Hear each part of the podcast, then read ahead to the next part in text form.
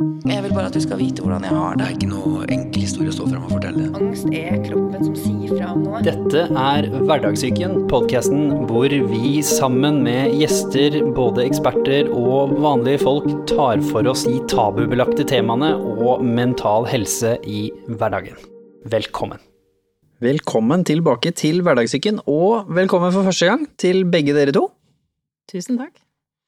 Og vi skal jo da snakke om Det er nesten litt vanskelig å si det ordet. Dissosiasjon. Var det riktig? Det var riktig. Ja, veldig bra. Og det er jo liksom som et sånt ord som jeg tror de fleste liksom har hørt om. De har kanskje en tanke om hva det er, men kanskje ikke helt har kål på. Så vi skal absolutt både ta for oss offisiell eh, definisjon, eh, og selvfølgelig litt kontekst, men også da en selvopplevd erfaring, og også selvfølgelig litt eh, opplevd erfaring rundt behandling og hvordan man jobber med dette, og hva samfunnet kan finne på for å gjøre dette enklere og bedre. Men før det så må vi finne ut av hvem som sa hei og på andre sida her. Så hvem er det vi har med oss i dag? Ja, jeg heter Ingunn Holbæk, jeg er psykologspesialist og jobber ved traumepoliklinikken til Modum Bad. Og har jobbet ved, i dette feltet med traumelidelser, og spesifikt egentlig med dissosiasjon og ja, snart egentlig 20 år. Um, og hvor vi Den arbeidsplassen jeg har nå, eh, har vi valgt det som et hovedfokus. Eh, den startet jeg og noen kollegaer i 2008, så vi har holdt på noen år. Du er gründer også. Ja, det ble en slags eh, I hvert fall en veldig sånn drivkraft for å nå fram, eller både forstå dette feltet bedre, og ikke minst finne ut gode behandlingsformer som vi kan være med og spre til kollegaer. Spennende. Og Ja, jeg heter Inger Eggen. Jeg har da vært eh, pasient hos eh, Ingunn gjennom en del år. Vi møttes på Modum, og jeg er da nå 68 år gammel og jobbet da til jeg var ca. 50. Mhm. Og jeg har tre barn som har vokst opp, og jeg har reist veldig mye rundt i verden. Men jeg har da hele tiden slitt med ettervirkninger eller problemer med å ha vokst opp i en vanskelig familie og med traumatisert barndom, da. Så livet mitt har vært veldig preget av det, og mye reising, mye prøve å komme for å skjule egen sykdom, så at ingen skulle avsløre meg. Det har vært hovedfokuset, tror jeg, i veldig mange år.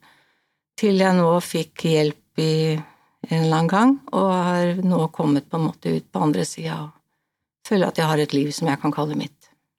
Veldig flott. Vi gleder oss til å Gleder oss, det er nesten litt feil å si, men vi, vi ønsker å være med på en liten reise. Både gjennom når det var vanskelig, og selvfølgelig det mest spennende med det er også hvordan du klarte å ta det til det, ta tilbake livet, hvis vi kan kalle det det.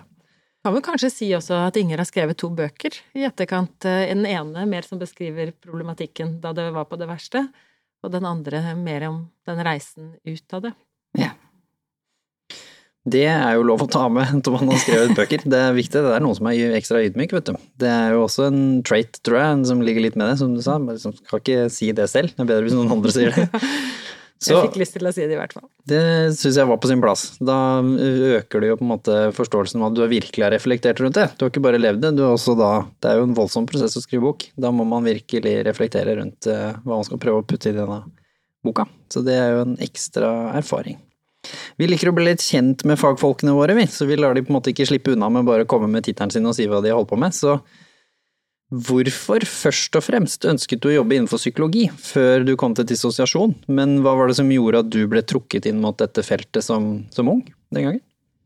Ja, det er et godt spørsmål. Jeg tror jeg måte har vært trukket mot Jeg er nok litt sånn arvelig belastet med dette med å være i helsevesenet, men eh, Så jeg vurderte, husker jeg, om jeg skulle bli lege. Men jeg har hatt en veldig fascinasjon for det å skjønne litt mer kompliserte samspill. Altså, jeg har vært veldig interessert hele veien i mer sånn sosialpsykologi. Hvordan ting fungerer i grupper, og hvordan vi som samfunn eh, fungerer. Så det var kanskje egentlig mer organisasjonspsykologi og sosialpsykologi som førte meg inn den veien. Og så hadde jeg aldri gjetta på selv at jeg skulle lande der jeg har landet, så det er jo livet som eh, leves, og valgene som tas underveis. Men jeg møtte jo ganske tidlig to veldig, det var i studietiden, to veldig unge jenter som hadde veldig mange symptomer som jeg ikke hadde hørt egentlig om på studiet, og ble veldig nysgjerrig på hvordan jeg kunne forstå det veldig mye kroppslige symptomer, det var opplevelsen av å ikke eh, bli veldig forvirret på hvem de var. Eh, ja, at de ikke husket at de hadde gjort ting. En som hadde skadet seg og ikke visste om det var hun selv som hadde gjort det, eller noen andre. Så det var liksom flere sånne type fortellinger de hadde, som gjorde at jeg ble veldig nysgjerrig ganske med en gang, egentlig, etter at jeg begynte å jobbe, da. På dissosiasjon. Ja. Ja. Ja, eller på sant, traumelidelser, kanskje enda bredere. Eh, Så jeg, I starten jobbet jeg veldig mye med posttraumatisk stresslidelse, som jo er kanskje det flest forbinder med traumelidelser. Og Eh, kanskje kompleks PTSD, som på en måte er litt mer den ikke bare én hendelse og så følger det noe, men mer mange små.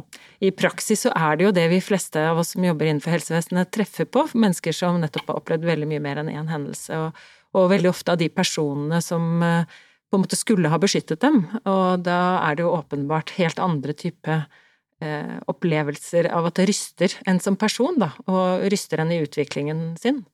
Sånn at det får helt andre konsekvenser. Det ryster jo hele verdensbildet deres også, hvordan de forstår alt som skjer rundt dem, hvis de på en måte nesten litt feilvurderer det, og Nettopp. ser på det som brudd på sannheten, nesten. Nettopp. Det er et veldig godt poeng. Og selvfølgelig, vi sa jo at vi skulle hoppe litt ned i din eh, levde erfaring. Så selv om det selvfølgelig sikkert er eh, litt tøft å snakke om, hvis du skal trekke frem litt sånn i litt korte trekk, da. Hva, hva var den trøblete barndommen, og hvordan opplevde den? Trenger ikke selvfølgelig liksom peke på hvem som, hvem som har gjort hva og ikke og sånn, men mer hvordan, hvordan var barndommen sett fra dine øyne, emosjonelt eh, og tankemessig sett? Tankemessig sett er det jo Jeg var i en veldig velstående og velfungerende ytre sett familie. Det skjedde mye hjemme som eh, ingen visste noe om, og som jeg ble fortalt var en løgn. Og det har vel egentlig fulgt meg gjennom alle år, at det jeg tror er virkeligheten, den er ikke sånn.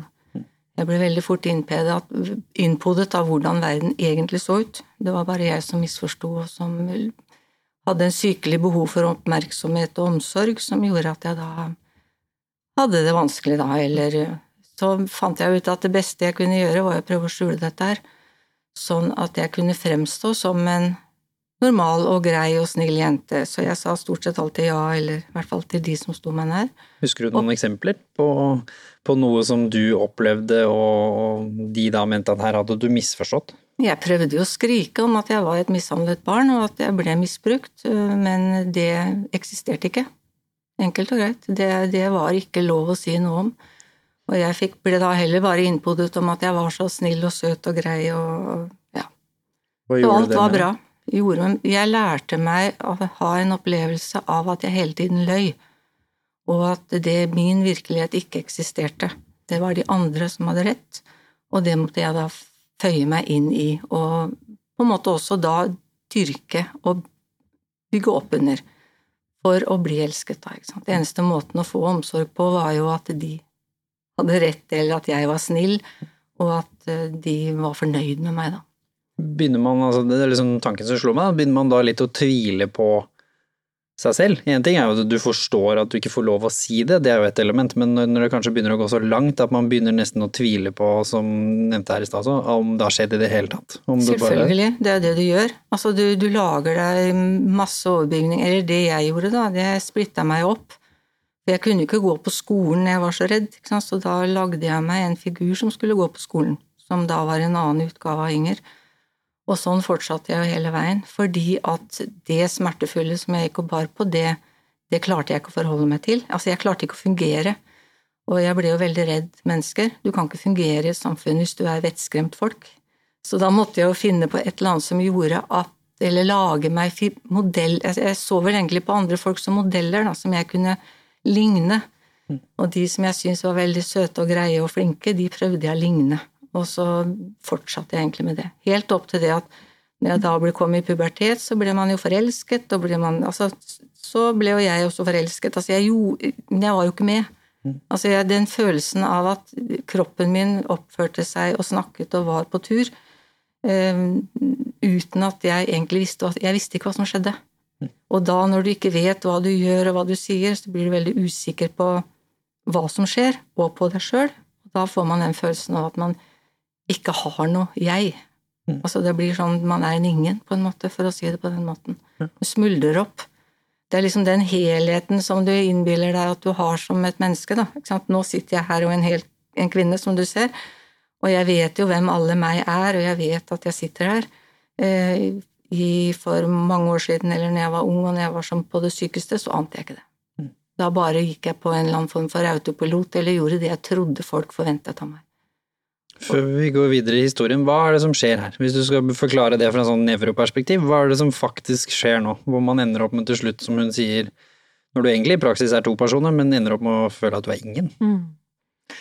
Nei, eh, det er jo veldig mye vi eh, prøver å forstå her, og det er jo mange modeller. Men det interessante som du påpeker nå, apropos fra et nevroperspektiv, er jo at det har blitt veldig mye mer kunnskap eh, om nevropsykologi og hvordan nervesystemet preger oss.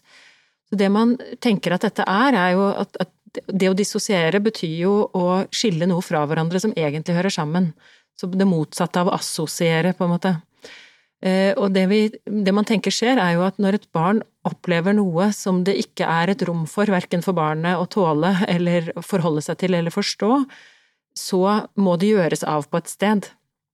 Eh, og, og det man eh, sånn helt teoretisk fra langt, langt tilbake i tid begynte å snakke om, var denne oppspaltingen i en kobevissthet eller en sekundær bevissthet. Og at det er en måte å liksom parkere disse Forsvarsmekanisme? Ja, en type forsvarsmekanisme. Eh, litt annerledes enn det med fortrengning, som man mer tenker er det underbevisste, mens at dette blir mer en kobevissthet, på en måte. Eh, så det blir en måte å overleve og klare å fungere, og det er jo, jeg vil på mange måter si at det er en veldig intelligent måte å overleve på, fordi at det gjør jo at man kan være i stand til eh, Sånn som du, da, som kunne fikse ting på skolen, kunne være med på aktiviteter, drev med musikk, så du klarte, å, klarte også veldig mye. Eh, og det blir mulig nettopp fordi man spalter av dette, dette vanskelige. Bare før du går videre, da. Hva var det som gjorde det lettere, da? Kan du gå litt mer i dybden på det? Når du hadde denne ekstra personligheten som ikke var like redd, hva var det som gjorde det lettere ved å ha den? Det fungerte jo. Altså, det, det, som var lett ved det, var jo at jeg da var en når jeg studerte, og var en når jeg var hjemme, og jeg var en når jeg var i andre situasjoner, og det gjorde jo at ingen Jeg ble jo ikke avslørt. Altså det, det var jo det jeg var mest redd for hele tiden, at noen skulle avsløre at jeg jeg, jeg ble jo stort sett ikke avslørt. Jeg tror det er veldig mange som kjenner meg som ikke helt forstår at jeg har vært så alvorlig syk, fordi at jeg har fungert, og jeg har vært i jobb, og jeg har studert. Men jeg har jo ikke vært der. Så jeg var jo vettskremt for folk i utgangspunktet. Altså, det som er bra med dissosiasjon på den måten som jeg har hatt det, det er jo at jeg da har klart å fungere. Jeg har klart å jobbe, jeg har klart å få familie, jeg har klart å være med på ting. Og dermed så har jeg hatt en idé om at jeg har egentlig levd et helt akseptabelt liv. Sånn sett. Men så går det jo Det går jo ikke. Altså etter en del år, når du bruker så mye energi og så mye tankevirksomhet og krefter på bare det å få hverdagen til å fungere, så krasjer det til slutt. Så kroppen min kollapsa jo fullstendig til slutt. Og da da, måtte, da, fikk jeg vel egentlig Jeg ble klar over at nå må jeg ta min indre verden på alvor, ellers så dør jeg. Og da var guttungen, eller minstemann, var bare tolv år, så jeg syntes det var litt tidlig, rett og slett. Så da fant jeg ut at da meldte jeg fra at nå er jeg syk. Og så var det en lege som så meg, og så fikk han meg til Modum. Og så begynte Neste del. Neste del av reisen, ja. Hva var, du, hva var, det du, var redd for skulle skje, hvis noen avslørte det, som du sier, som jeg vet er veldig vanlig? Det er å møte den vanvittige skammen på at uh, du sa det, nei, jeg sa Altså, jeg, jeg klarer ikke Altså, du Det at man blir helt avhengig av å overlate virkeligheten til andre. Hvis jeg sier et eller annet, så sier du ja, men du sa det, uh, noe helt annet, som er kanskje enn det jeg sa, så tror jeg på det du sier. For jeg vet ikke hva jeg selv har sagt. Når du holder på med den, så, så, er det akkurat som hele du smuldrer opp, og da Det er jo ikke akkurat det mest fantastiske å bli avslørt på akkurat det, da. Altså da, da kommer jo den selvforakten, blir jo så sterk at da vil du jo bare dø. Og skammen blir så stor at den fyller jo hele, hele livet.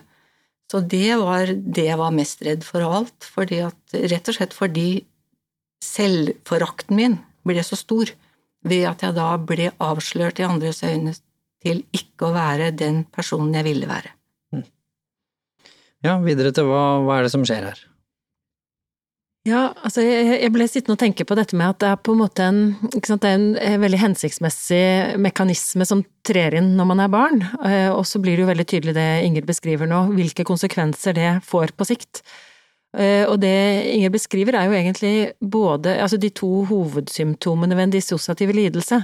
For det må jo sies at og det å dissosiere er jo noe alle mennesker kan gjøre, eh, men når vi kaller det en dissosiativ lidelse, så er det noen liksom, kjernesymptomer som er til stede.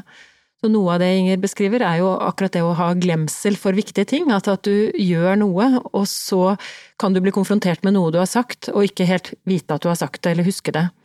Så glemsel er et veldig sånn tydelig tegn på at man er jo til stede i kroppen, og den du har snakket med, har jo sett deg være der og snakke men at du selv ikke har en eh, kontakt med det du har sagt, da. Så det er det ene som hun beskriver, og det andre er jo nettopp denne forvirringen på hvem er jeg egentlig? Og det blir jo vanskeligere og vanskeligere jo eldre du blir, og jo mer du får også eh, innspill fra omverdenen om eh, hva de stusser på, eller Og det var jo det prosjektet hennes ble, ble jo nettopp prøve å skjule for omverdenen hele tiden hva som egentlig foregikk på innsiden. Sånn at det vi på en måte tenker oss at skjer, er at dette ytre drama som skjedde som barn, da, fra å, å være et uh, uskyldig barn som opplever helt katastrofale ting, uh, og at det også er en verden som vet om det katastrofale som skjer, men ikke handler, altså denne ignoreringen. At dette dramaet på en måte flytter inn i en selv, og at det, eh, de indre konfliktene man blir bærer av, er på en måte et uttrykk for dette indre drama, eller dette ytre drama som blir et indre drama. På en måte at man både har det sårbare i seg, men også får disse stemmene fra viktige og kanskje overgriperpersoner inni seg, som hele tiden eh, mater en med beskjeder på en måte om hvordan man skal oppføre seg, og, og, hvor elendig man er. Det her er jo med på å skape denne enorme skammen som hun også beskriver, da. Hvor viktig er den andre delen? Fordi du har jo skammen på den ene siden, som selvforakten, og så har du den andre siden som du er flink, du er snill, som liksom mater den dissosierte personligheten. Hvor viktig er den delen? For det føler jeg jo nesten blir det blir jo alt når du, har, når du har ingen av de tingene vi alle mennesker trenger. Du blir mm. sett, hørt og elsket på en måte hjemme. Mm. Men denne nye personligheten blir jo på sett og vis sett, hørt og elsket på skolen, fordi du presterer, du er flink, du, er, du, du får jo den feedbacken som vi vokser på. Mm. Hvor, hvor, viktig er mm. den delen for at disse to flytter fra hverandre, på en måte? Ja, det, det, er spennende med hele den indre dynamikken, ikke sant. Og at på en måte er det jo, som du sier, at, at det blir nesten som et sånt ytre skall, da, eller det i seg som også tar i seg dette med å ignorere og late som dette andre ikke fins, fordi da fungerer alt så mye bedre. Og så bruker man enormt mye eh, mental energi på å holde alt det egentlige unna. Og da eh, veldig mange beskriver ja, nettopp det ordet Inger brukte med autopilot, altså at man på en måte eksisterer, eh, men man lever ikke. Man føler seg ikke til stede i livet sitt, og husker ikke ting, erfarer ikke ting på den måten som man ønsker for å kjenne at man lever. Ehm, sånn at det er jo ofte det som eh, mange beskriver når de eh, søker hjelp og behandling, da. Å få kontakt både med følelser og med minner. Eh, men mange er livredd for hva de da får kontakt med. Fordi det føles som en vulkan, ikke sant. Det er, det er, ikke, det er ikke bare hva som helst som ligger der i det skjulte, og som man da vil komme i kontakt med. For det du bruker alle kreftene på da, det er jo å holde dette vekk. Så det én ting er liksom at du får at du får, er flink, og at du får backing, og du er kjekk og alt det greiene der, og at du lever greit, men så må du jo bruke så økende grad av krefter og energi og tankevirksomhet på å holde det vonde vekk. Og også selvforakten, altså alt det andre også vekk. For hvis det kommer for nærme, så vet jeg egentlig helt sikkert at da, da, da kollapser jeg. Altså da, da, renner jeg bort som en dam på gulvet og er borte. Da er det ikke mer igjen av meg. Og det er vel det, er vel det som, som, er en av de tingene som gjør at det ender med at man må få hjelp til slutt. Mm. Fordi at kroppen ikke orker mer. Kan du, kan du liksom vise et eksempel? Hvor mye tid snakker vi om her? Hvor mye i en vanlig dag på ditt sykeste sånn pluss minus bruker man da faktisk på å tenke på disse tingene sånn som gjør at du blir sliten på at liksom nå skal ingen se dette andre? Det tror jeg tenker veldig stor del av det går med. Altså ikke, ikke sånn at du sitter bevisst i at dette må ingen vite, men du går rundt f.eks. på en campus, da, hvis du er på universitetet, så er du redd folk. Du er redd for at folk skal komme for nærme, du er redd for å få spørsmål, du er redd for at noen skal spørre om noe som gjør at du avslører at du da ikke vet hva du snakker om.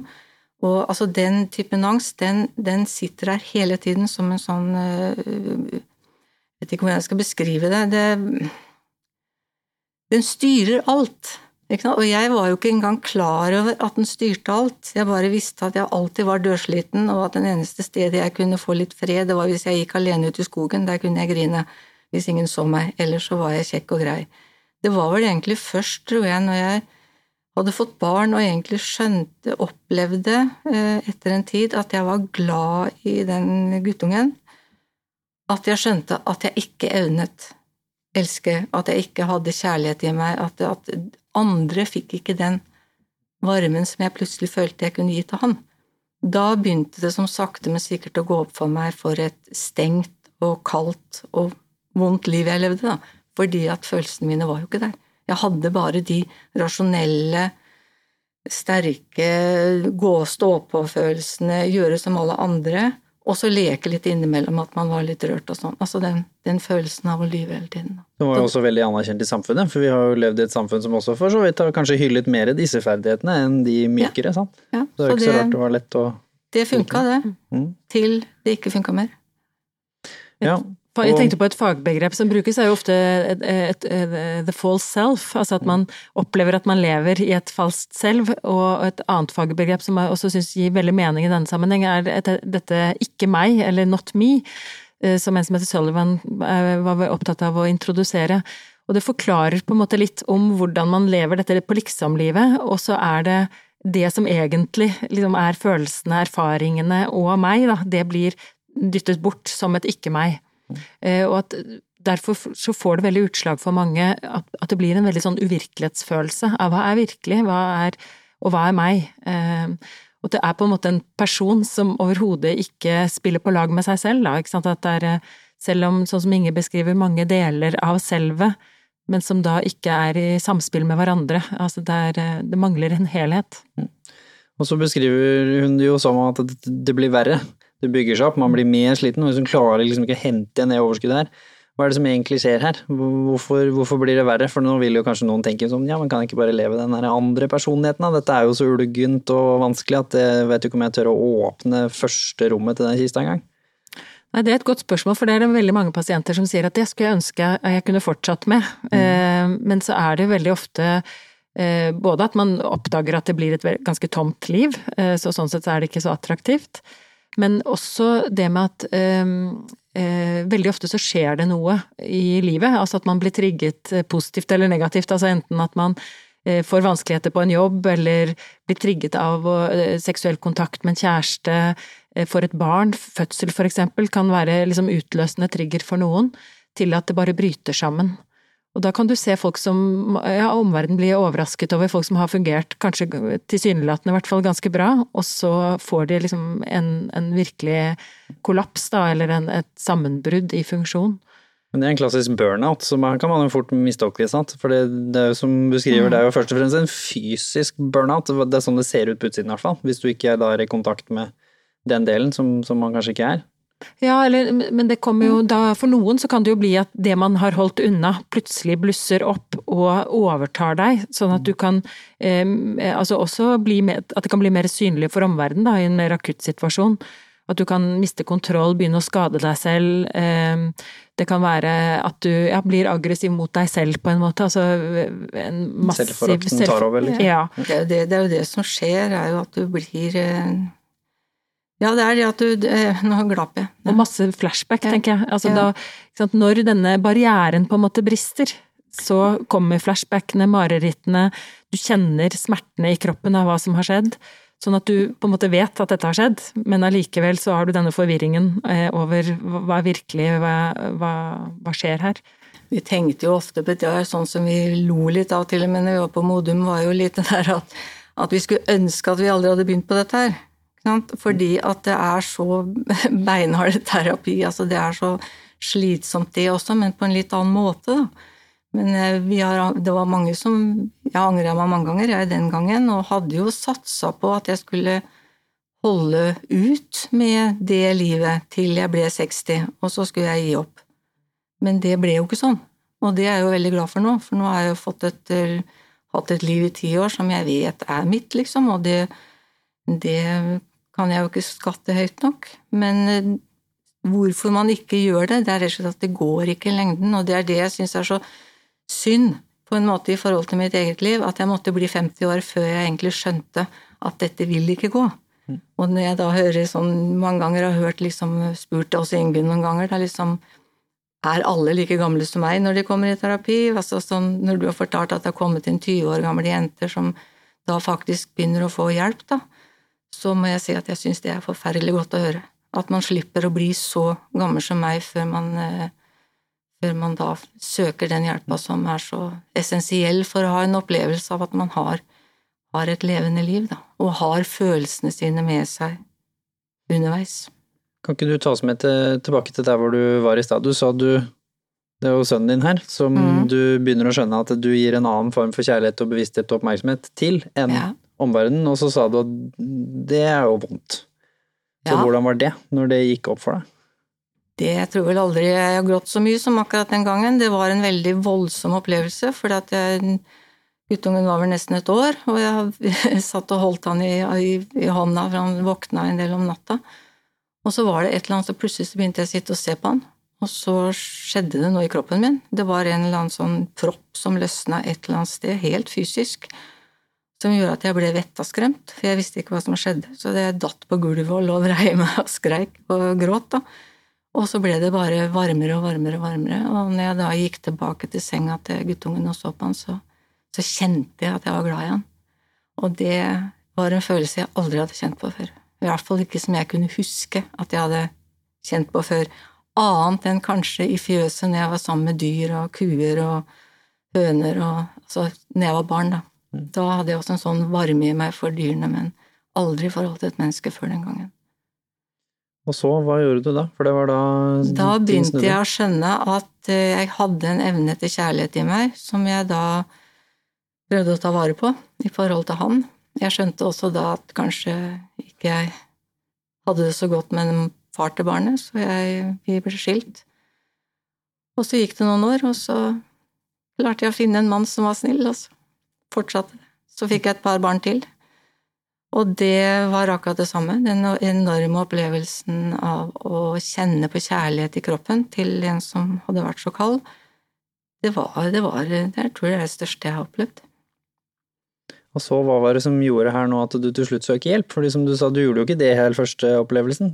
Nei, jeg, jo, det var jo fordi at jeg begynte jo altså, det var fryktelig slitsomt å gå på jobb. Da, ikke sant? Alt dette foregikk hele tiden. Jeg klarte ikke å være til stede for barna mine, jeg så dem ikke.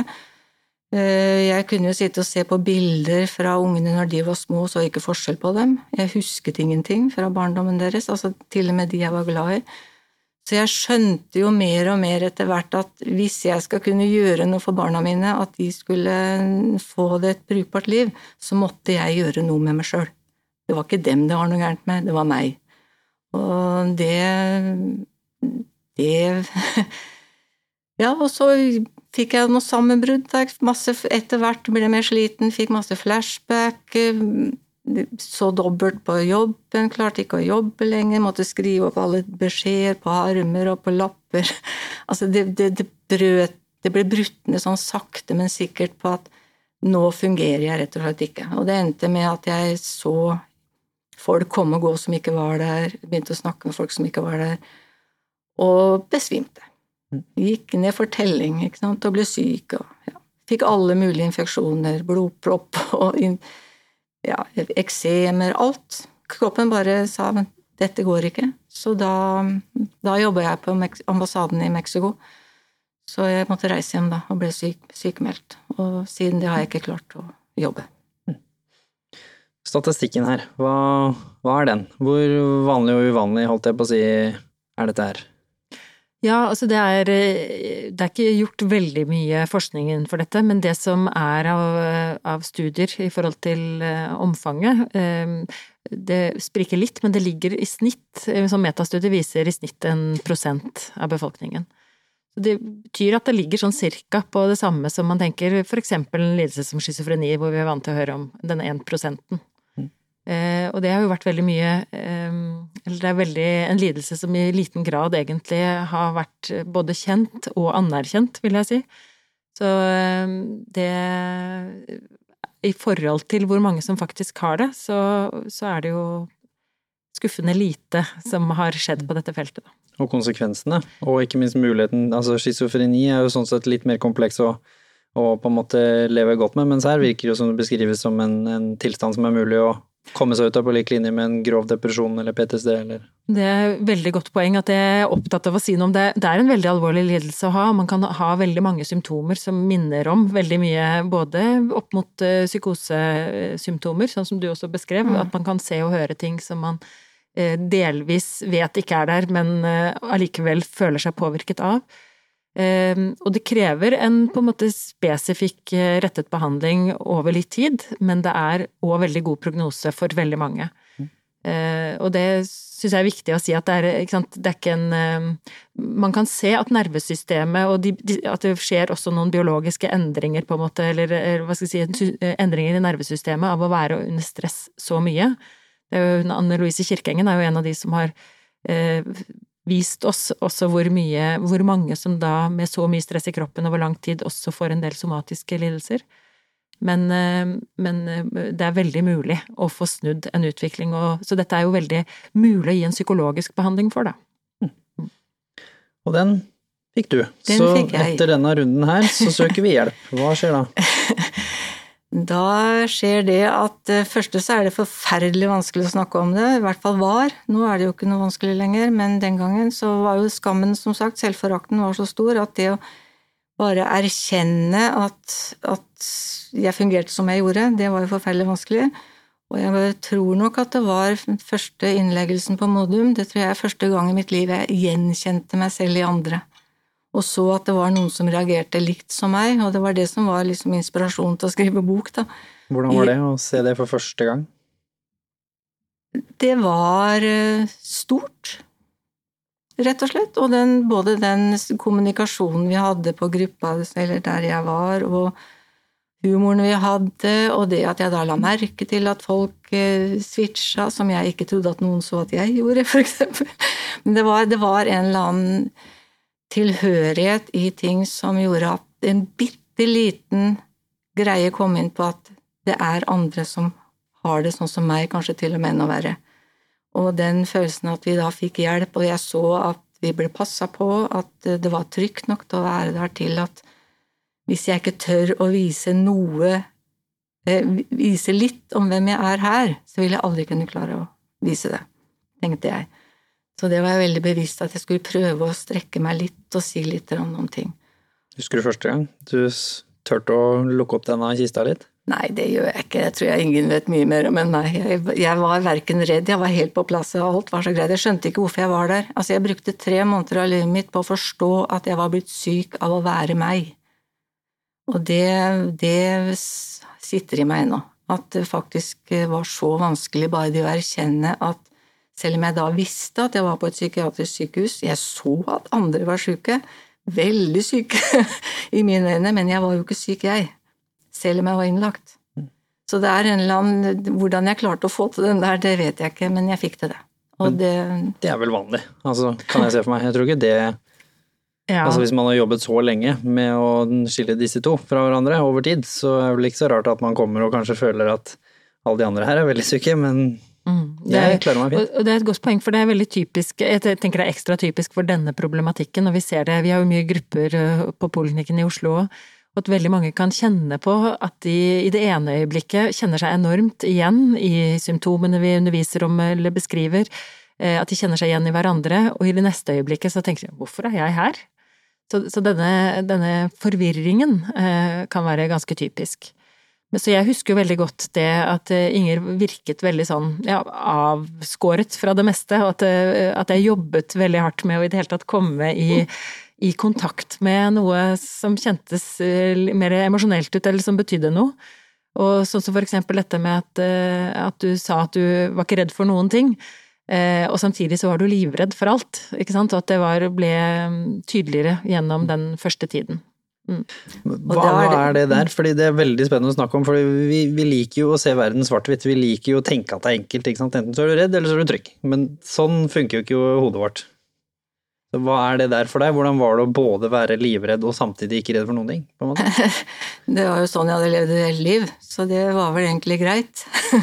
Akkurat i den situasjonen, ikke sant. Men det som da var veldig fint, egentlig, det var vel kanskje det å sakte, men sikkert også få litt rann opplæring eller litt kunnskap om eh, ja, om egen sykdom. At du er her, du har blitt diagnostisert opp og ned og fram og tilbake, vi tror det er dette som feiler deg, ikke sant. Og så få litt informasjon og litt kunnskap om at dette kanskje er en, en ganske naturlig, eller en, er en naturlig reaksjon på unaturlige hendelser. At det er ikke nødvendigvis bare sykdommen som styrer alt, men at dette kan vi kanskje gjøre noe med. At det, ja, at du fikk et lite håp om at gjennom å kunne mer om lidelsen, eh, tillate at noen pirka på meg og prøvde å finne ut av ting, så kanskje jeg kunne få de to motpolene til å møtes litt mer, så at livet ble litt lettere. At jeg var jo vettaskremt for å komme ut også fra Modum uten å kunne klare meg. Ikke sant? Da var man jo begynte å pirke på dette her, og de begynte å løsne opp. Og hjemme var det tre barn og en mann og jobb som venta, liksom. Nei, da var, da var, jeg ikke i jobb, da, men, men likevel et liv, da. Og det Men det var starten. Mm. Det tok noen år, men eh, det var starten på å skjønne at kanskje det ville gå an med kunnskap, kompetanse, og få litt den respekten for at jeg er meg, som jeg ikke fikk som barn. Som jeg fikk som voksen, gjennom, som du sier, gjennom å fungere som, som jeg skulle, men ikke på min følelsesmessige jeg. Husker du første gangen du virkelig åpna deg om det som hadde skjedd, og sa det høyt? Det jeg har fått høre av et par venninner, at jeg har sagt det før høyt, men det husker jeg ikke noe av. Men jeg husker veldig godt uh, første gangen jeg sa det til, til Ingunn, ja. Begynte å, å pirke litt på hva som skjedde. Det husker jeg. Det var veldig vanskelig. Mm. Jeg tror jeg ble veldig syk av det. Jeg tror også jeg svimte av litt. Altså det, det, det, er voldsomme prosesser når du skal si ting som eh, ja, du ikke engang vet om er sant helt, bare følelsene dine vet det.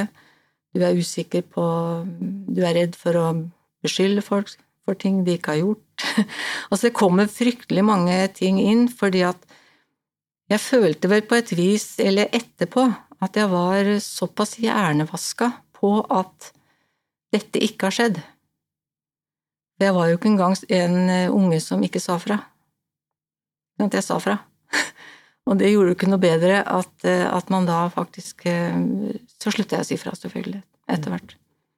Så det er vel det, egentlig det som, som sitter sterkest igjen, at ja. Hva skjedde etter at du hadde sagt det, da, og så at du kanskje til og med fikk en respons på at det var den, det du var livredd for skulle skje, kanskje ikke skjedde? Selv om det var vondt og vanskelig? Det er vel det som en dyktig terapeut får til, da. Enkelt og greit. Altså, det går et, et eller annet på det å få den For å si det som jeg sa før i dag, at jeg fant ut da etter hvert at Ingunn tålte meg mye bedre enn jeg tålte meg sjøl. Og den sånn, altså det, det, er ikke noe som er gjort i en fortfiks, men sånn sakte, sikkert du sitter og måler blikket hennes, kroppsholdningen, hele greia. Er det noe farlig her? Hva er det som skjer? Sitter og ser på døra. Kan jeg løpe ut hvis noe skjer der? Altså alle disse bibbene, vibbene, da, som da går på at nå er jeg under angrep, de må faktisk da tåles, da. Altså det jeg må, jeg må finne ut at hun ikke vil meg noe vondt. Og selv om jeg kan vite det med hodet mitt, så tok det ganske lang tid før jeg skjønte med kroppen min og følelsene mine at Ingunn vil faktisk hjelpe meg. Hun har ikke noen intensjon om å skade meg eller ødelegge meg. Og det var vel kanskje den store, store bikkepunktet i terapien også som, som gjorde det. Så det å få den respekten og anerkjennelsen som man ikke har fått, sakte, sakte få lov til å bruke den tida det tar, og få den tilliten du trenger for å kunne fortsette. Og så oppdaga jeg etter hvert, som var veldig bra, at det var ikke nødvendigvis det som hadde hendt, som var det viktigste. Det var hvordan hodet mitt fungerte, og kroppen min fungerte. Så historien er jo ikke så interessant. Det er jo hvordan jeg løste problemet som ble det spennende når vi satt i timene. Hvor, hva er det som skjer nå? Hvorfor, Hvem er du nå? Altså litt den typen spørsmål. For når det begynte å bli klart for meg at dette var en struktur og en strategi jeg hadde for å klare meg, og at det, dette var på en måte sykdommen min eller lidelsen min som gjorde at jeg ikke fungerte og ikke fikk til livet, så begynte det å skje ting eh, med at jeg ble bedre og klarte å huske litt mer og klarte å få med meg litt mer, og blant annet vite at jeg hadde vært hos Ingunn og fått med meg ting, da. Det er det som ofte var problemet. Mm. Så hva er det som skjer her, hva er det som må til? Eh, for, og også dette har jo vært sementert over veldig lang tid, mm. sant? Så som du sier, det er jo en variasjon her. Noen kommer når man er 20, da er man jo veldig heldig, men de fleste regner jeg med kommer som voksen en eller annen gang. Men da mellom liksom voksen alder 25 og opp til sikkert langt opp i 50-60-åra også til og med, regner jeg med. Ja, sånn sett så er det jo et stort spekter av de som har eh, kvalifiserer for en dissosiativ lidelse i eh, funksjonsnivå, eh, fra å oppleve kanskje at det ganske tidlig faller sammen, da, og at man egentlig aldri kommer i gang ordentlig med å ta et studie eller få studert eller skape familie, mens andre har et mye høyere funksjonsnivå lenge, og så mer opplever at det bryter sammen. Så det, det varierer veldig. Eh, men det som eh, jeg blir opptatt av også når du sitter og snakker, Inger, er jo at det ene er jo det å tørre å si at jeg har blitt misbrukt, eller jeg har blitt eh, ja, opplevd vold, eller opplevd det ene eller det andre. Men jeg opplevde mye mer forbi hos deg på det å nettopp skulle avdekke denne indre verden. Hva, hva som faktisk foregikk i nåtid.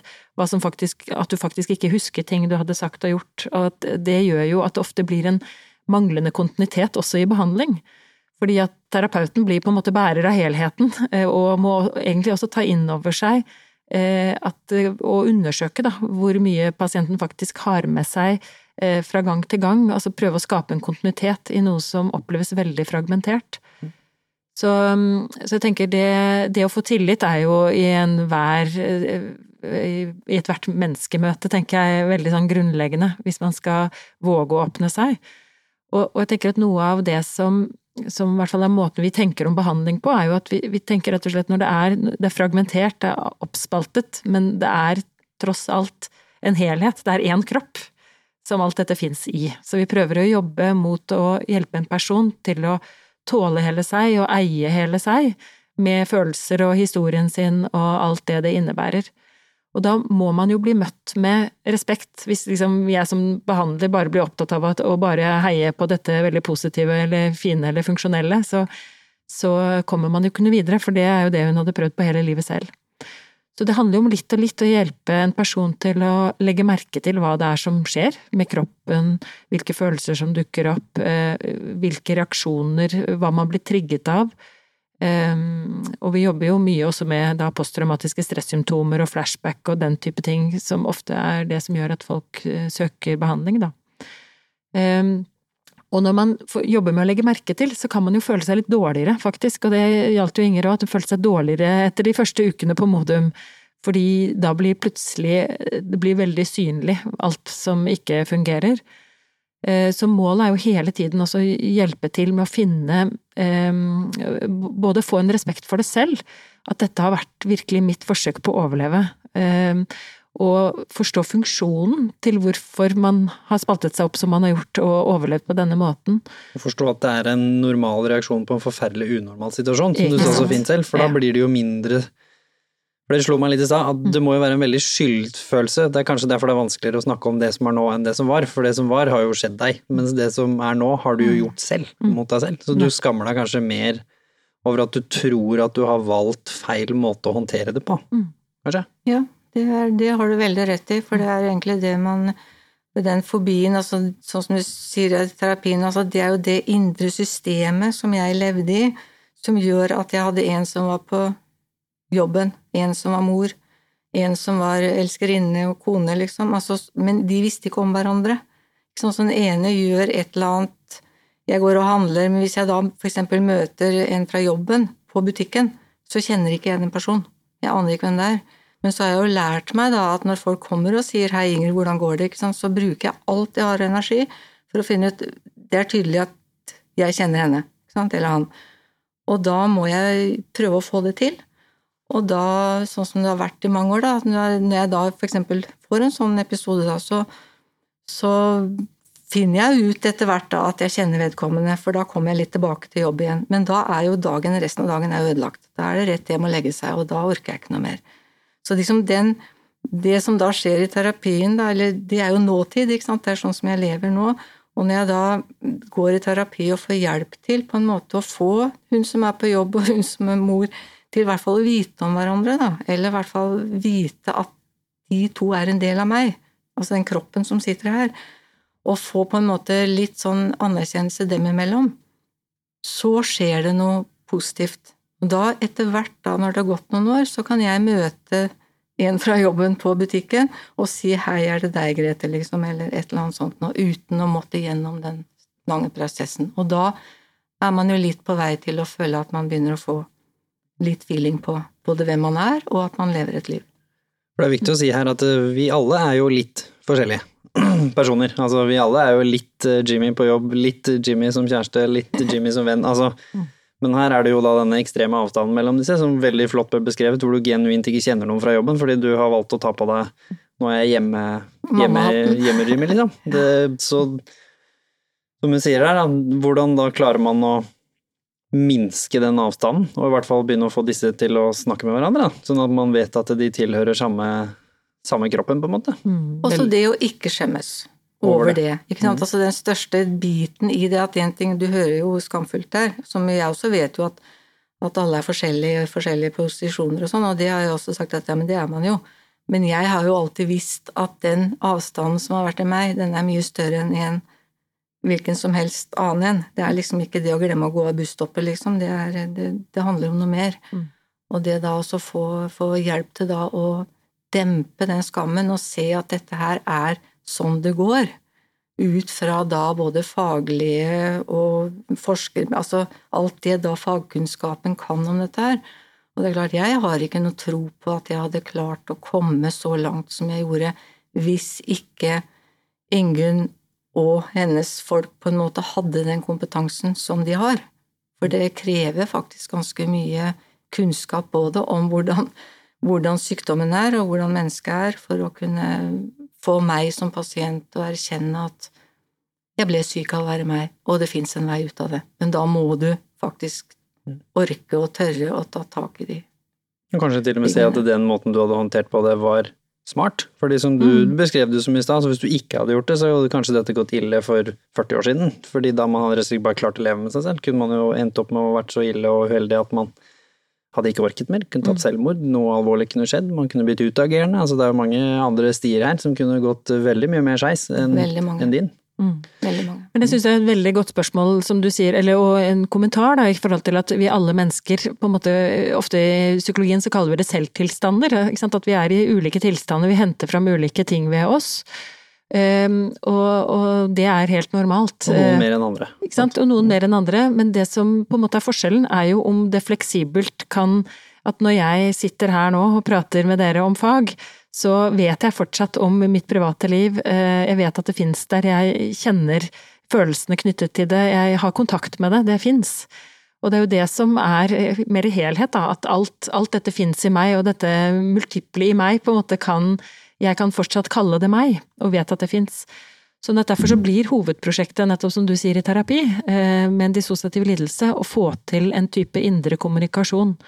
Og på mange måter så, eh, noen ganger så bruker jeg litt sånn spøkefullte bilder om at sant, det er som øyer som er eh, ute i en skjærgård, som ikke Man bor på hver sin øy og vet ikke om de andre øyene, og så begynner man å opprette et fergesamband litt og litt, og kanskje etter hvert man får disse øyene litt nærmere hverandre, eller i hvert fall får laget noen broer over, og Og sånn at kommunikasjonen nettopp blir sånn som det er for oss alle, at det er mulig å kjenne på ambivalens. Ikke at det er enten sånn eller sånn, men at det går an nettopp å kjenne at begge deler fins i meg, når man skal ta valg, for eksempel. For det er klart at det å ta valg er jo en av de måtene man virkelig ser eh, strevet i en dissosiativ lidelse. Hvis eh, ulike deler av en selv eh, nettopp har helt motstridende og ulike meninger eh, om et valg, for eksempel. Har du opplevd det? Har du et eksempel på det? Det er jo litt fascinerende. som sikkert. Ja, det har jeg masse eksempler på. Jeg kan jo, det er jo det som er greia. Altså, jeg, ja, det kan være hva som helst. Det kan være alt fra å finne klær til å velge pålegg på maten Altså, jeg valgte jo for eksempel det siste, da, at uh, hvis jeg skulle få spist frokost, så kan ikke jeg snakke med henne, stå og vurdere hva jeg skal ha på pålegg. Altså, da først så får jeg ikke tatt en beslutning, for det klarer jeg ikke, for at alle vil ha forskjellige mat. Og for det andre så tar det for mye tid, og så tar det altfor mye energi. Så da blir jo løsningen at du lukker opp kjøleskapet og så tar du det som står nærmest. Punktum. Når du da skal gå og handle klær, eksempel, du må jo ha klær. Jeg har aldri klart å stå foran et speil. Jeg tror, jeg tror det er trent første gangen for noen år siden nå at jeg har prøvd klær i en klesbutikk. Før gikk jeg bare og handla, og regna med at det gikk greit. Hvordan var det å stå der og prøve ut litt ting? Det jeg prøvde ut, det var kjempespennende. Men da hadde jeg jo kommet så langt da, vet du, i terapien at jeg visste jo at den kroppen som sto foran der, var en kvinne på noen og seksti som skulle ha seg en kjole eller en bukse. Og da var ikke det så skummelt. I gamle dager, hvis jeg ble pressa til det, så kunne jeg se faren min, for eksempel, noen menn, en eller veldig utagerende jente, altså alt, alt Ikke meg, mm. men alle andre, og da blir det forferdelig galt hvis jeg da hører på en av dem. For eksempel hvis jeg da hadde stilt opp i en rosa kjole, da, så hadde de andre blitt fly forbanna, for sånn kan jeg jo ikke se ut.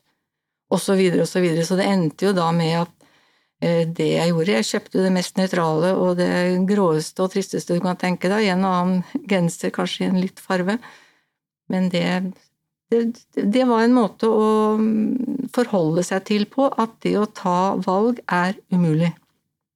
Hvordan begynte det å gå når det begynte å gå bedre? For som sier, dette tar lang tid, så mm. Da er man jo litt inn og ut, regner jeg med, av full tid på behandling. Og så er man jo hjemme, og så blir det behandling, og så, så hvordan begynte det? Det går sakte, men sikkert. Jeg tror akkurat eksempel det med klær var vel at jeg fikk med meg eh, mannen min, for, blant annet, som sa at jeg skulle kjøpe eh, noen bukser og sånt, og så testa jeg ut det og prøvde liksom da å tørre det. Og så oppdaga jeg at det gikk ganske bra, og så gjør du det på nytt igjen. Og så, ja. Og, så de tingene, de hverdagstingene Nå kan jeg vel si at jeg liker kanskje det pålegget bedre enn det andre, men det er vanskelig fremdeles. Altså, det er ikke noe sånt som faller veldig lett å ta valg. Du svarte på det i stad, når vi snakka om ja. Eh, fisken. Sant? Med favorittmaten, som er jo lydsjekkspørsmål. Ja, ja, ja, ja, men det, nå er jeg flink. Ja. ja. det visste jeg jo ikke før jeg stilte det spørsmålet, det kunne være komplisert. Så det var ekstra morsomt. Hadde jeg vært syk, så Men jeg, det er jo det du lærer, da. ikke sant? At hadde det vært for mange år siden, så har jeg sikkert svart et eller annet. Men det kan jeg godt hende jeg har svart risengrynsgrøt som jeg ikke tåler. Altså, eller som jeg ikke syns er noe godt i det hele tatt. Mm. Så det er, liksom, det er det som er problematikken, at du jeg vet at jeg liker det, det sånn, og det nå. Hvis vi tenker at eh, når vi alle skal ta viktige valg, da, la oss si at man, eh, ja, om man vil satse på en partner eller bytte jobb karriere, eller karriere, ja, eh, om man skal flytte til en annen by, så er det jo for oss alle viktig å ta en liten stopp og sjekke med liksom hele meg, da, ikke sant. Hvilke, hva er det som taler mot dette, hva taler for det, hva er det som trigger meg positivt ved det, hva, hva er risikoene? Eh, og den vurderingen gjør jo, når man gjør det grundig, så vil man kunne gjøre et godt valg for seg selv, selv om man ikke alltid kan forutse hvordan ting blir. Men, og det er jo noe av det vi ser, og, og som også kan være motivasjonen for å bli, bli, kjent med hele seg, da, er jo at jo mer man vet om hele seg, jo bedre beslutninger kan man ta. Eh, og også en opplevelse av å være mer sannferdig med seg selv, da. Mm. Så da begynner vi å nærme oss her. Nå begynner det å gå bedre. Man får lukka opp kista, får ut demonen oppi der, men den var ikke det som var det viktigste, egentlig, så den må bare ut. Og så begynner vi å jobbe med det som man har skapt seg selv. Og selvfølgelig da avhengig av hvor lenge det har eksistert, så er det jo sikkert litt avhengig av hvor lenge man klarer å komme seg ut av det, og så er jo alle mennesker forskjellige. Men i grove trekk, da, etter at man har begynt å liksom sy dette sammen, hva er det som er viktig i tilfrisknings... eller normaliseringsprosessen, eller hva man nå skal kalle det i dette tilfellet, unifying eh, Ja. opplevelsen? Ja, nei, altså liksom tempo på denne prosessen er veldig individuelt, og vi jobbet jo primært, vi ble kjent på avdeling eh, de tolv første ukene, men ellers har vi jobbet poliklinisk, da, med en time i uka. Um, og det som uh, nettopp er veldig ulikt, liksom, noen uh, bruker jo veldig lang tid på i det hele tatt å akseptere at sånn, dette er situasjonen og dette er meg. Andre er kanskje veldig klar der med en gang og kan komme i gang ganske fort med indre samarbeid. Eh, Sånn at eh, det vi prøver å få til er nettopp å i eh, terapitimene å modellere hvordan man kan henvende seg til seg selv. Og spesielt når man da skal henvende seg til kanskje noe veldig raseri i seg som man er livredd for at blir farlig fordi det minner om dette overgrepsraseriet for eksempel. Eller noe veldig sårbart i seg, skammen, eh, eller den enorme smerten eh, i kroppen rett og slett av et lite barn som opplever noe det aldri burde opplevd. Og da, når man skal henvende seg til det, sant, så trenger man både eh, å vite Noe vi er veldig opptatt av, er å få innledningsvis i terapi jobbet med å etablere nåtiden som nåtid. At man har gode måter å hente seg inn på når man blir trigget og blir dratt inn i det gamle. Og virkelig jobbe med å skille hva er det som forteller meg at jeg er blitt voksen nå, se på de voksne hendene mine for eksempel. Hva er det som skiller meg fra den gang jeg var barn? Eh, Hva er det som minner meg om at det rommet jeg sitter i nå er et trygt rom? Eh, Den type sanseerfaringer også, at vi bruker sansene mye til å jobbe med å bli trygg på nåtiden. For da kan vi på en måte besøke fortiden, eh, og besøke også de ekstreme, liksom, eh, hva skal jeg si, eksplosive følelsene som kan ligge i noen av disse delene. For det er jo det som gjør at folk ofte har holdt det unna, er jo at det oppleves eh, mer enn bare at jeg syns også det er ubehagelig for eksempel å kontakte sinnet mitt, eh, så er det en mye mer eksplosiv art, da, og veldig mye, veldig råmateriale, for å si det sånn, siden det har levd på denne øya aleine.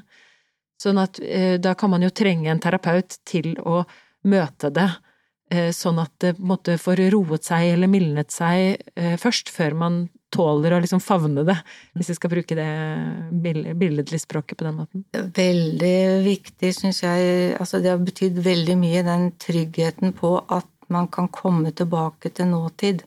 Altså den følelsen av at når du, når du hopper rundt omkring, i hvert fall sånn som jeg har levd, da, så vet jeg jo ikke hvor jeg er hen. Altså plutselig er jeg fem år, og så er jeg ti år, og så er jeg 50 år, og så er jeg 30 år, og så har jeg egentlig Jeg har ikke noe begrep om tiden. Hvor, hvor er jeg hen?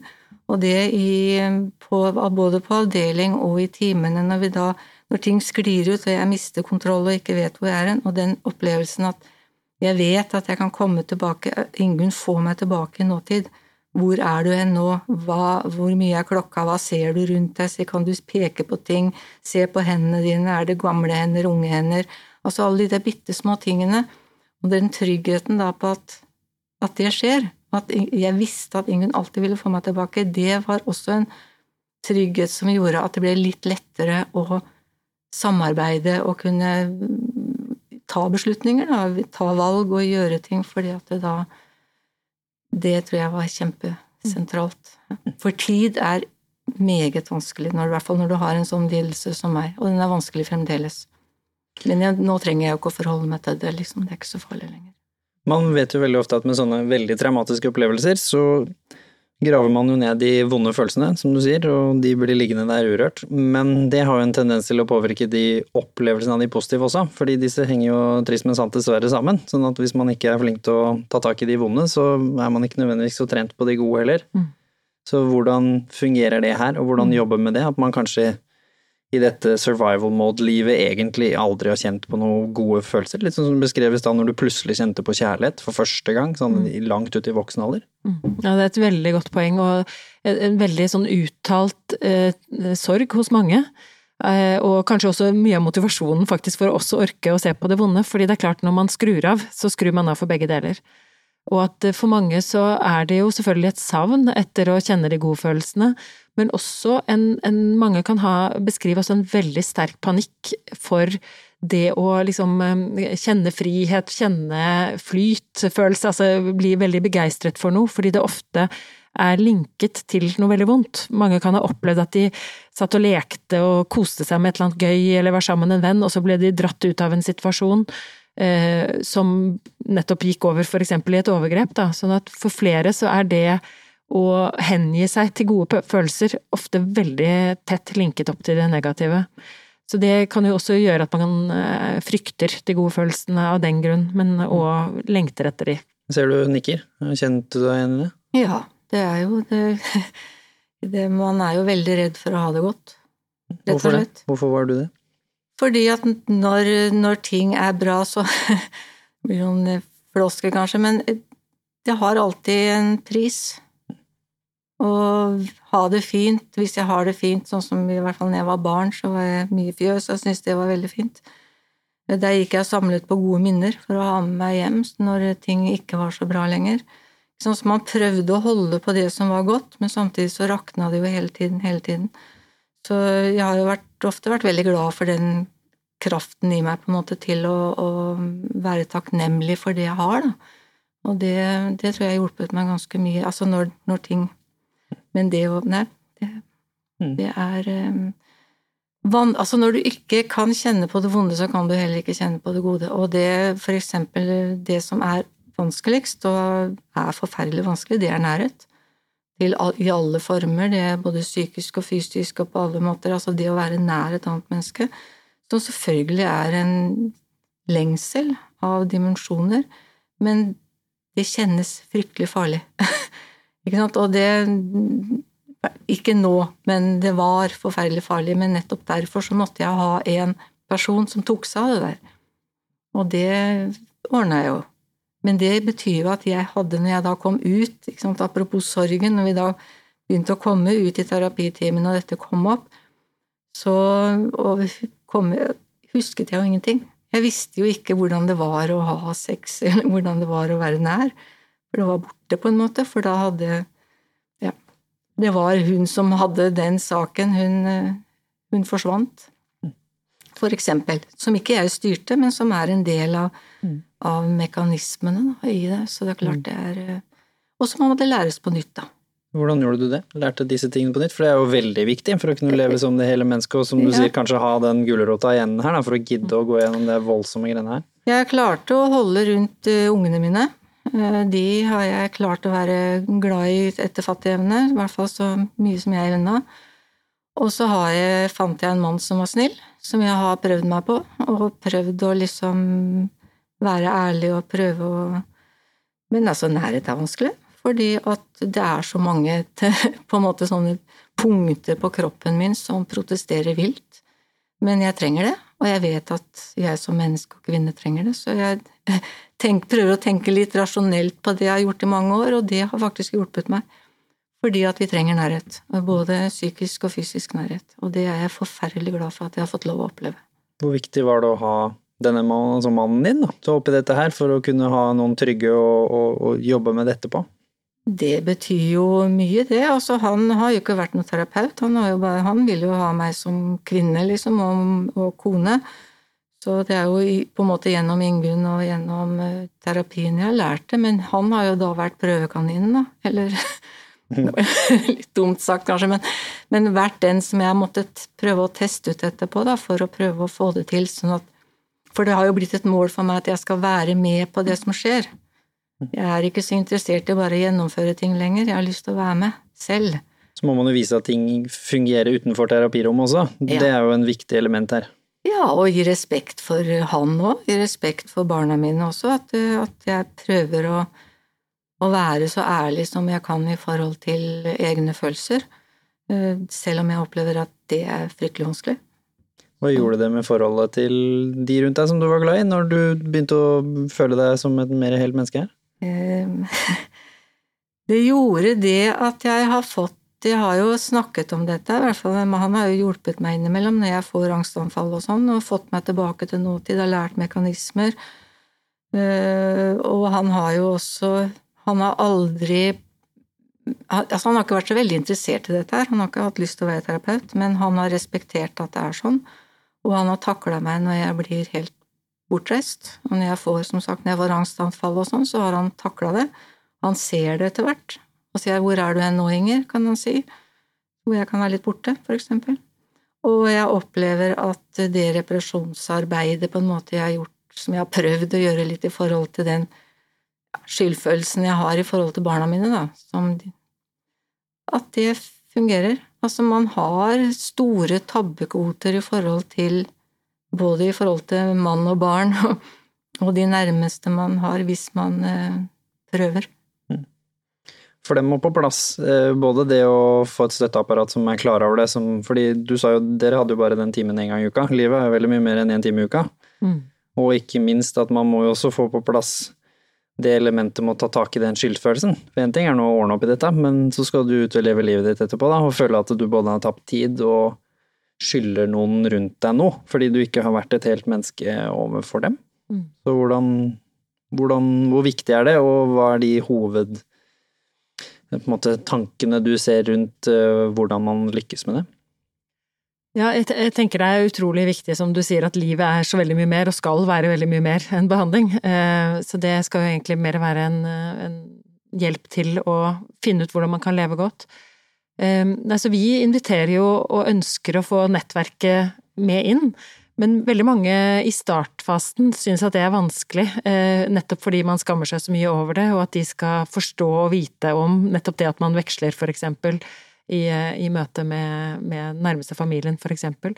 Men vi forsøker både å ha mer sånn informasjonsmøter, eh, men i forhold til partner, så det å ha parsamtaler tror jeg er utrolig viktig. Nettopp å høre den andres opplevelse eh, av hva som er problematisk. Det, det, kan jo være noe annet enn det sånn som Inger selv trodde var problematisk. Det er jo litt typisk, det er jo gjerne noe annet. ja. Så det å få en dialog og ufarliggjøre det litt, men det er klart at da må man jo ha kommet eh, det første steget selv først. At man eh, respekterer seg selv for eh, at jeg har gjort virkelig det beste jeg kunne i den situasjonen jeg har vært, og at man liksom er i gang med den prosessen.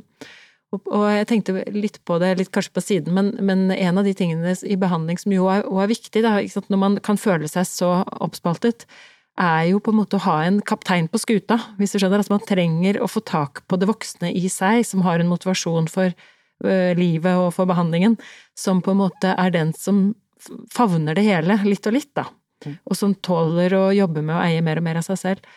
Og det er klart at da vil man jo også kunne samarbeide om dette med nettverk rundt, og ikke minst aktivitet. Altså det er veldig anbefalt å ha ting man er opptatt av. Um, Inger har skrevet bøker og, og, og, bidratt inn i organisasjoner og, og, vært viktig på den måten. Men det å ha noe som gjør livet verdt å leve, for det er jo en sorgprosess, det husker jeg gjorde veldig inntrykk, mm. Inger, når, når, vi på en måte var i ferd med å avrunde behandlingen. Den enorme sorgen over alle de mulighetene som ikke ble.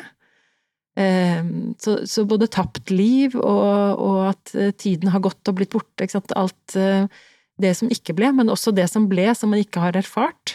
Um, så det er en eh, man, man, snakker ofte om tre faser i behandling. At man i den første fasen jobber med stabilisering, ikke minst med trygghet og det å bli mer kjent med seg selv.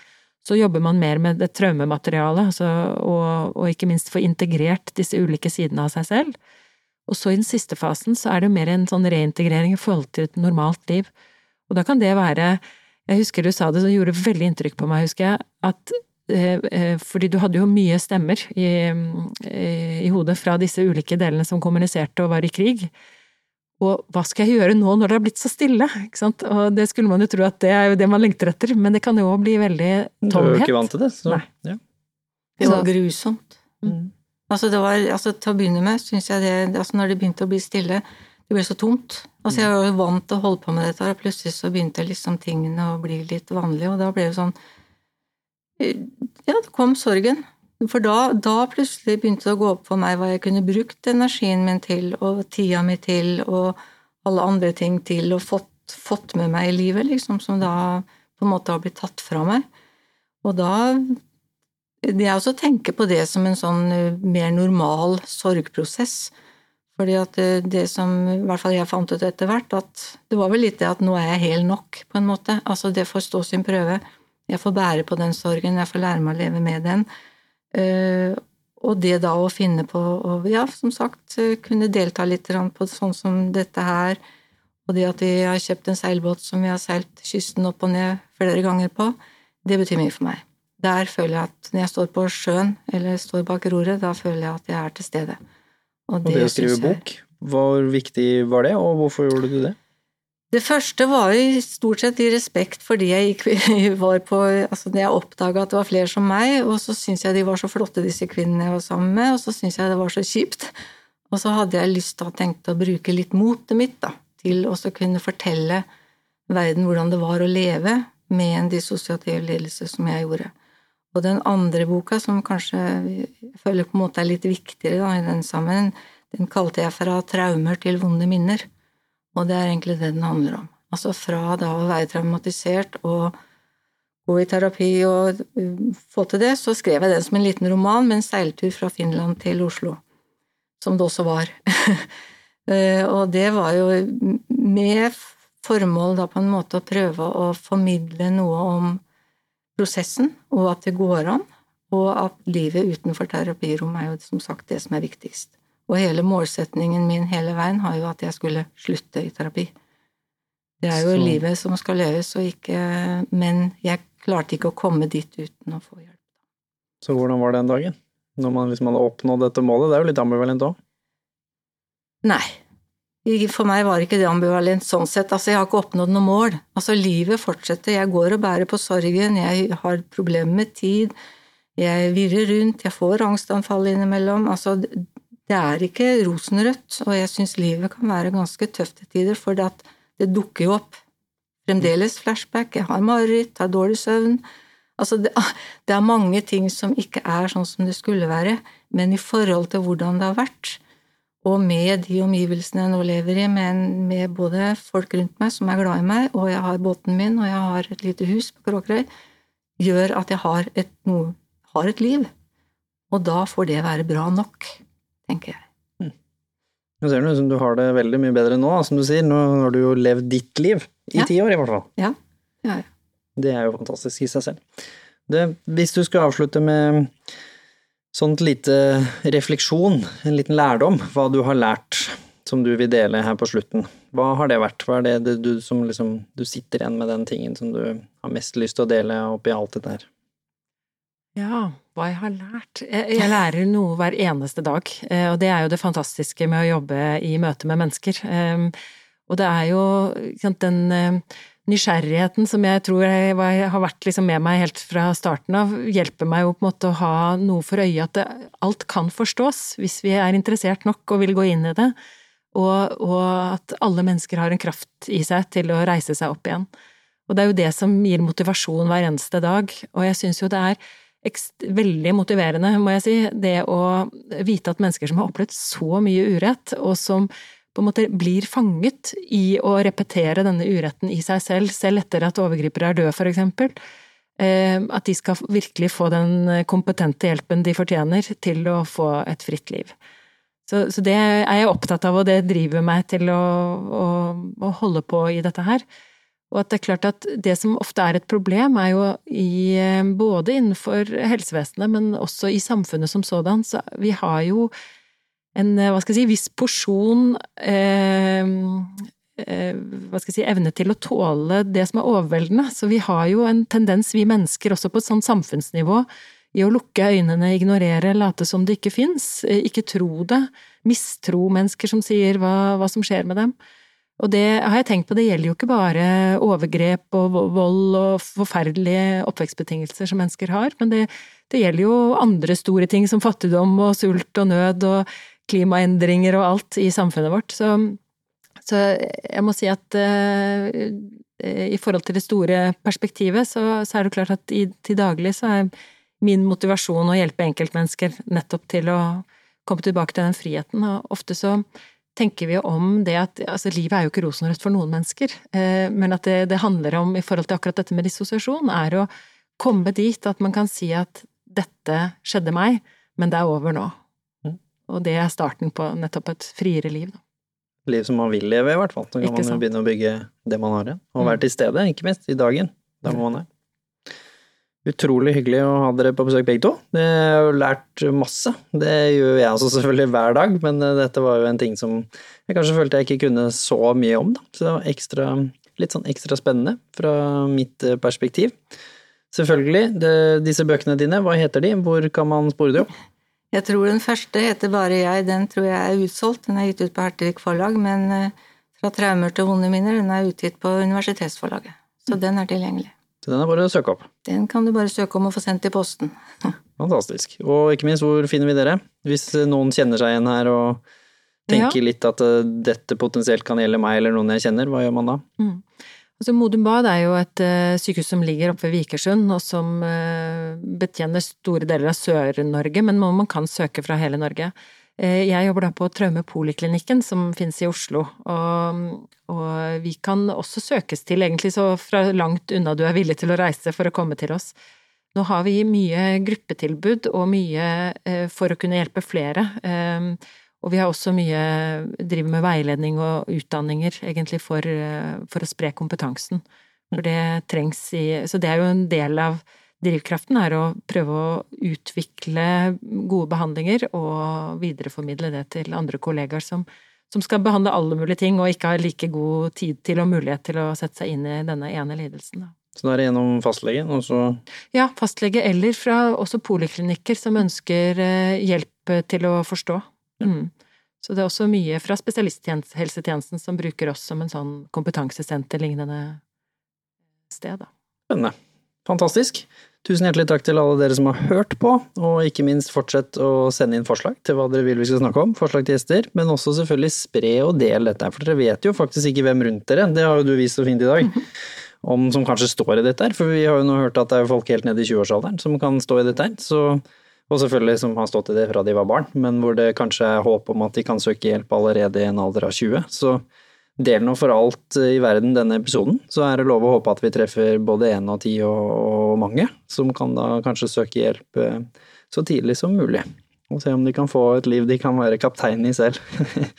Tusen hjertelig takk, og ha en flott dag, folkens.